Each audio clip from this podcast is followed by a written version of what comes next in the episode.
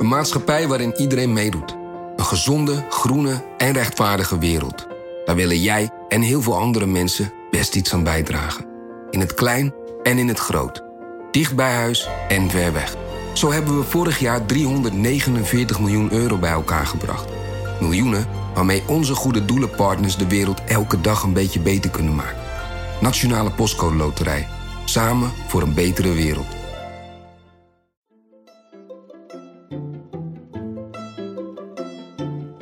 Welkom. Wij zijn Onbehaarde Apen. Dit is een speciale aflevering over de Nobelprijs voor Natuurkunde. Årets pris belönar bidrag till vår förståelse av universums utveckling och jordens plats i universum. Kungliga Vetenskapsakademin har idag beslutat att utdela 2019 års Nobelpris i fysik med ena hälften till James Peebles för teoretiska upptäckter inom fysikalisk kosmologi. Och med andra hälften gemensamt till Michel Mayor och Didier Queloz för upptäckten av en exoplanet i bana kring en solliknande stjärna. Samen hebben ze ons beeld van het universum, of zoals we in het Zweeds zeggen, universum, voorgoed veranderd. De Nobelprijs voor Natuurkunde ging dinsdagochtend naar drie mensen. Eén helft voor James Peebles voor zijn onderzoek aan de oerknal, de uitdijing van het heelal en zijn onderzoek aan donkere materie en energie. En de andere helft van de prijs gaat naar twee mensen, de Zwitsers Michel Mayor en Didier Queloz, voor een ontdekking van de eerste exoplaneet rondom een zonachtige ster. En met die eerste ontdekking ontketen ze een revolutie. Duizenden exoplaneten zijn er sindsdien ontdekt. En dan heb ik het over subneptunussen, sub super-Jupiters en superaarders. Een hele dierentuin aan exoplaneten. En om over die Nobelprijs te praten, zit hier vandaag aan tafel wetenschapsjournalist Dorine Schenk. Hoi. Hoi. Vind jij dit een leuke prijs?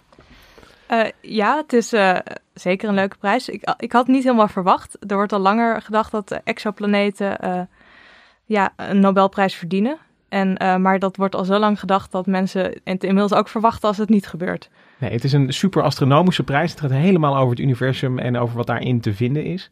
En de astronomen, uh, ja, die, die, zijn een beetje een ondergeschoven kindjes. Ze hebben niet een eigen Nobelprijs. Vaak gaat de Nobelprijs voor natuurkunde naar hele fundamentele uh, uh, ja, fys fysische processen.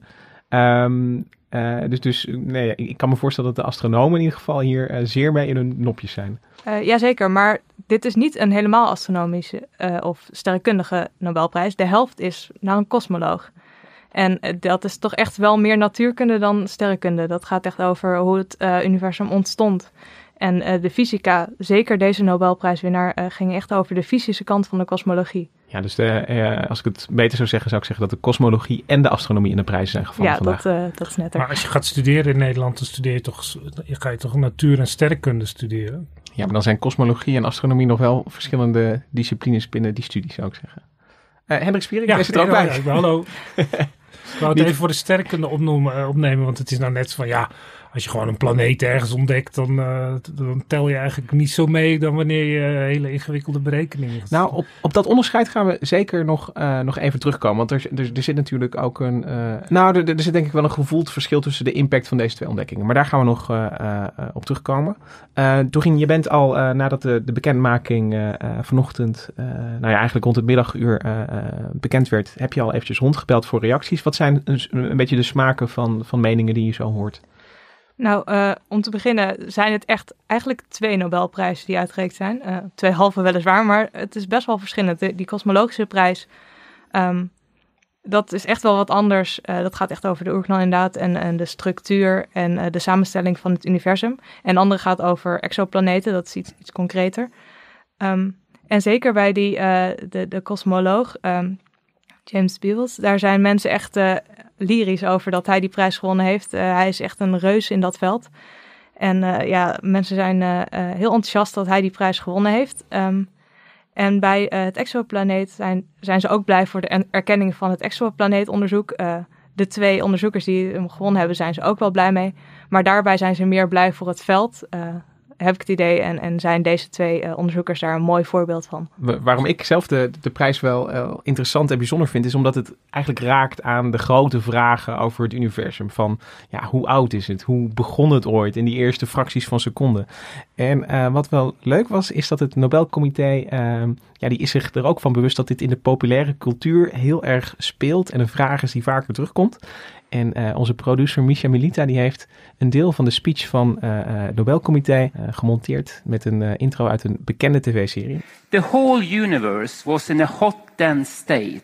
Our whole universe was in a hot dense state. Then nearly 14 billion years ago expansion started. Wait, the earth began to cool, the autotrophs began to ja, dit is ontzettend leuk. Uh, het serieuze stijve Nobelcomité dat hier een, een, hele populaire serie, Big Bang Theory, over uh, astronomen, natuurkundigen en hun uh, moeite met het leven, naar, daarnaar verwijst. Dorien, jij bent ook fan van de Big Bang Theory?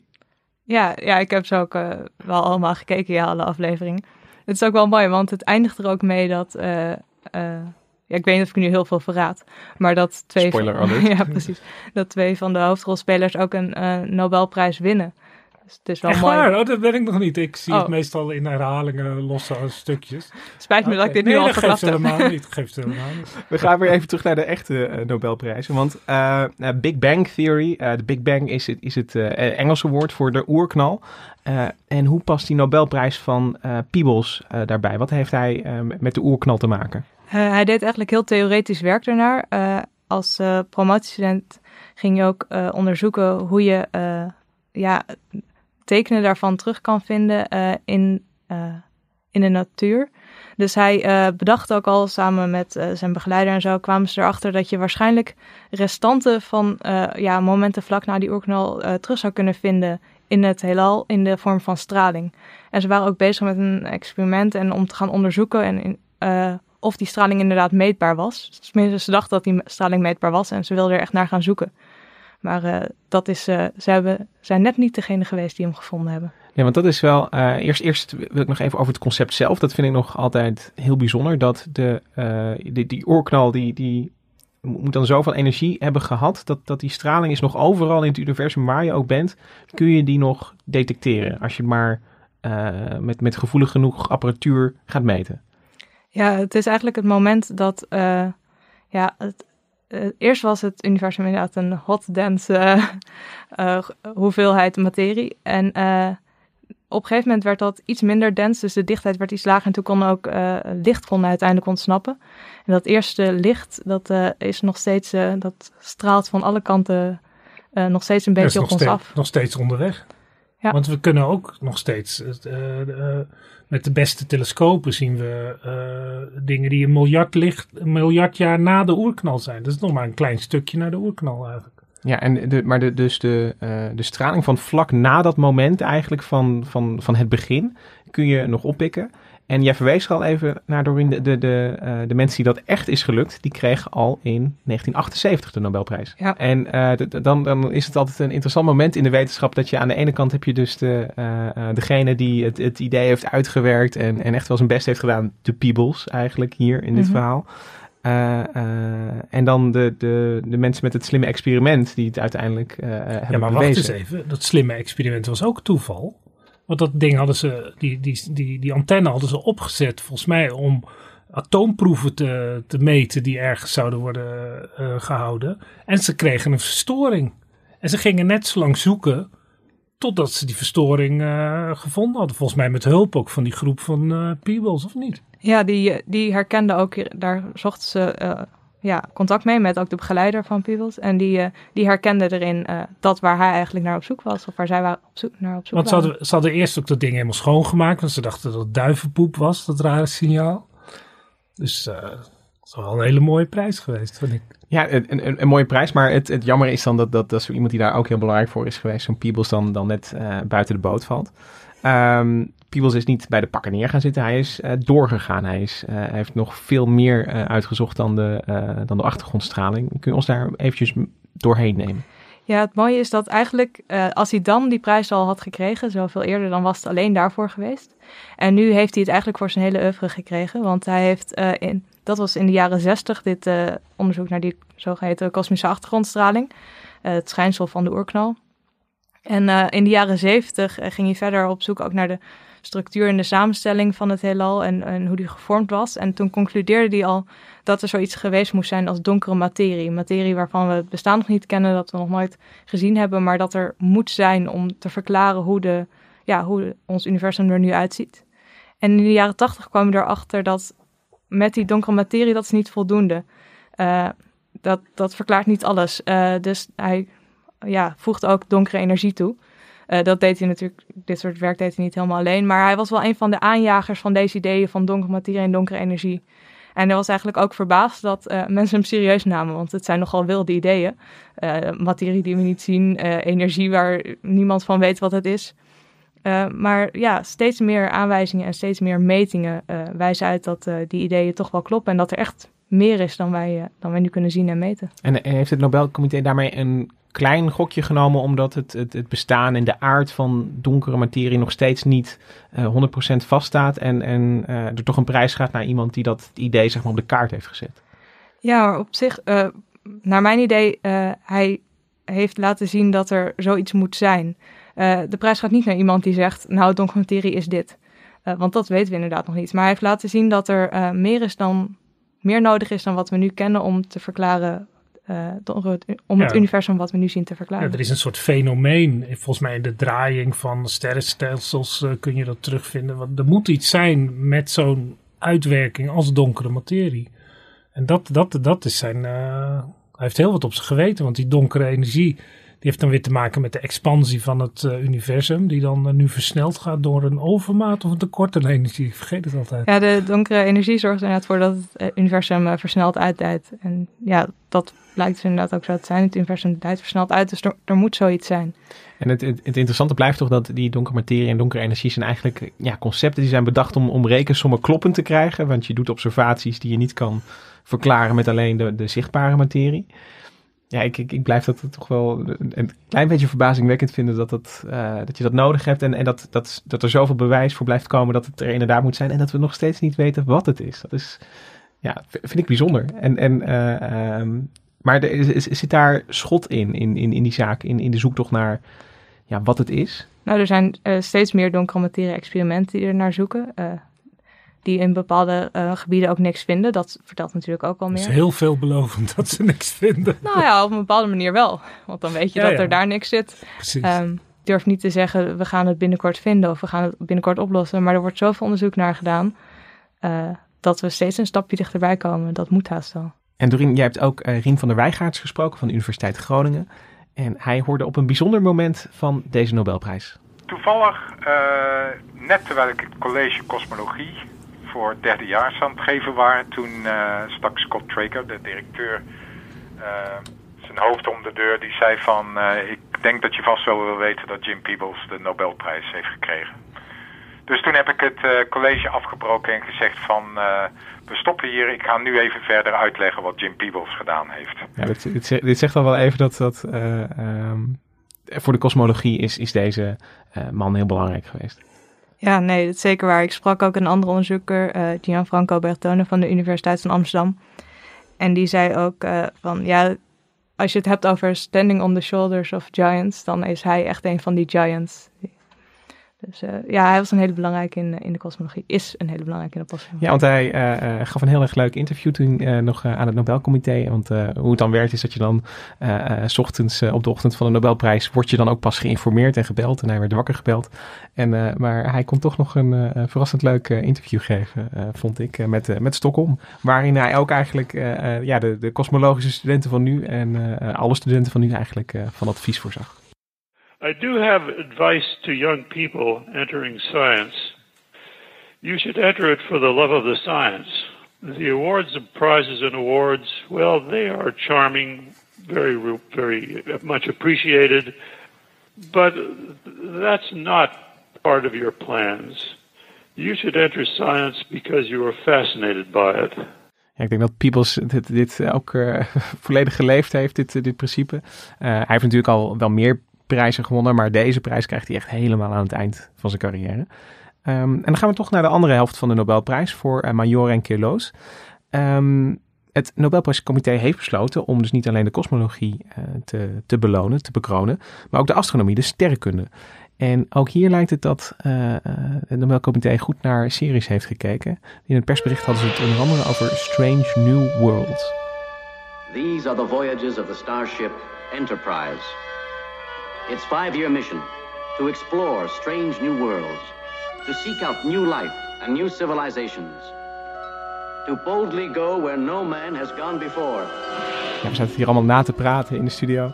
Uh, het eerste deel van de missie van de Enterprise in de Star Trek-serie was to discover strange new worlds.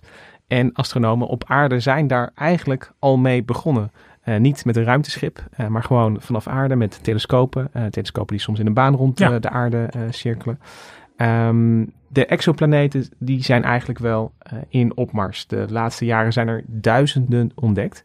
Maar het begon allemaal ooit in 1995, Doreen. Uh, ja, zo, dat kun je wel zeggen. Dus het is eigenlijk zeker voor de sterrenkunde een heel nieuw vakgebied, uh, de exoplaneten. Want het is pas, nou ja, nog geen 25 jaar oud, bijna 25 jaar. Um, en in 1995, de, de laureaten die vonden toen een, voor het eerst een exoplaneet die om een zonachtige ster draaide. Daarvoor was er wel al eerder uh, planeetachtig, uh, waren er planeetachtige objecten gezien rondom een, een pulsar. Maar een pulsar is eigenlijk een ster aan het eind van zijn leven. Dus dat is een heel ander systeem dan, uh, ja, dan de planeten die wij kennen, onze zon. En deze ontdekking van de exoplaneet rond een zonachtige planeet kwam, bracht eigenlijk veel dichterbij. En uh, dat, uh, ja, dat was eigenlijk de start van echt een vloedgolf aan, uh, nou ja, inmiddels meer dan 4000 exoplaneten die we nu kennen. Ja, en jij sprak ook met Karsten Dominiek, professor aan, in de astronomie aan de Universiteit van Amsterdam. En ja, hij vindt die prijs voor Major en Colos ook volledig terecht. Maar ik denk dat inderdaad de paper van Major en Colos in 1995 um, dat was gewoon echt de, de start van dat uh, nieuwe onderzoeksveld, wat nu echt uh, een belangrijk groot stuk van de sterrenkunde uitmaakt. Dus voor het eerst een planeet rond een zonsachtige ster. dat was heel belangrijk. En het was best wel een verrassende ontdekking, omdat toen eigenlijk niemand dacht dat zo'n zware planeet zo dicht bij een ster zou kunnen staan. Ja, Hendrik, het is natuurlijk wel. Um, het bestaan van planeten nemen natuurlijk uh, ja, al, al honderden jaren uh, voor, uh, voor lief in de, in ja, de, in de astronomie. Nou, het is zelfs al een strijd in de, in de oudheid geweest, omdat Epicurus, de, de filosoof, die ook om andere dingen om, bekend is, maar die had gezegd van nou, er zijn ontzettend veel planeten zoals de aarde. En Aristoteles, die had, of Bolle, want over planeten spraken ze natuurlijk nog niet. Uh, en uh, Aristoteles die had gezegd, uh, er is er maar één. Er is maar één wereld en dat is die van ons. En dat is het dominante wereldbeeld gebleven in de middeleeuwen ook. Het idee dat, dat, er, dus, ja, dat er maar één aarde was. En dan zie je in de 16e eeuw, en met de hele wetenschappelijke revolutie, begint dat besef anders te worden. Want ze zien ook de manen om Jupiter. En dan denk je, ja, dat, dat, daar zou je ook op kunnen leven. En er is zelfs nog een ketter verbrand, uh, omdat hij zei dat, die, uh, dat er andere werelden waren. Nou, dus, dus eerst worden die andere planeten in het, in het zonnestelsel ontdekt. Uh, dan ga je afvragen, ja, hoe komen die planeten er? Dan heb je daar ideeën over. Um, uh, ja, en die ideeën, dat, dat zij, uh, die, die astronoom net door de telefoon ook, die hebben eigenlijk het onderzoeksgebied ook verlamd. Want we hadden het idee dat, er een, uh, dat alles planeten, die, dat het alles, alles op ons zonnestelsel zou lijken. Dus stenen, kleine planeetjes binnenin, grote gasplaneten aan de buitenkant. En die kun je dus met de methodes, dan, dan kijken ze naar de wiebel van de ster op verschillende manieren en die, omdat er dan een hele zware planeet om een relatief klein sterretje dichtbij draait, gaat die bewegen. En dan kan je dan zien. Maar met de meetmethodes die ze in ieder geval in de jaren 80 en 90 hadden, ja, dachten ze dat gaat natuurlijk nooit gebeuren. Want ze zagen hun eigen zonnestelsel voor zich. En er zullen geen grote gasplaneten zo dicht bij een sterretje zitten. Dat kan gewoon niet. En dat is namelijk zo mooi dat deze twee mannen die prijs nu hebben gekregen, omdat ze werden uitgelachen. Ze werden, geloof ik, las ook ergens dat ze ook uh, groene mannetjes werden genoemd. Ze van, ah ja, dat is een science fiction idee. En ze hebben echt tien jaar zitten rekenen, ze hebben eigen apparaten gemaakt.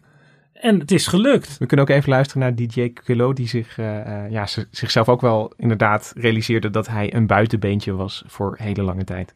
When we started the program 20 years ago, uh, it was seen as a, let's say, weird research theme. Uh, searching planet in the universe was not the main theme of astrophysics that it is like today.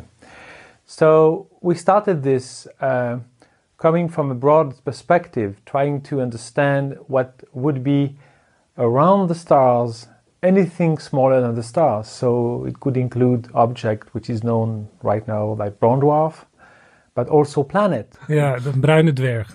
Een bruin dwarf, ja. Um, slotvraag, uh, Doreen. Als je, uh, uh, we hebben het toch al over de Big Bang Theory gehad. als ik het nou samenvat, dat vandaag zeg maar Sheldon aan de ene kant een prijs heeft gekregen en twee Kuthropadis aan de andere kant. Ben je het daar dan mee eens? ja, zo zou je het misschien kunnen zeggen. Al was Sheldon niet echt een kosmoloog, maar ja, die was meer deeltje, bezig met deeltjesfysica op een gegeven moment, volgens mij zelfs. Ja, maar ik denk dat we wel uh, het eens kunnen zijn in ieder geval met het uh, Nobelcomité uh, in het concluderen dat deze mensen ons beeld van het universum inderdaad voor goed hebben veranderd. Zeker. Het is ja. een mooie manier om stiekem twee Nobelprijzen uit te reiken. Zo is het. dankjewel Doreen dat je hier was om ons bij te praten. Dankjewel ook Hendrik en Misha voor de productie. de tune is van het Dudok Quartet en wij zijn er morgen weer en dan met de Nobelprijs over scheikunde.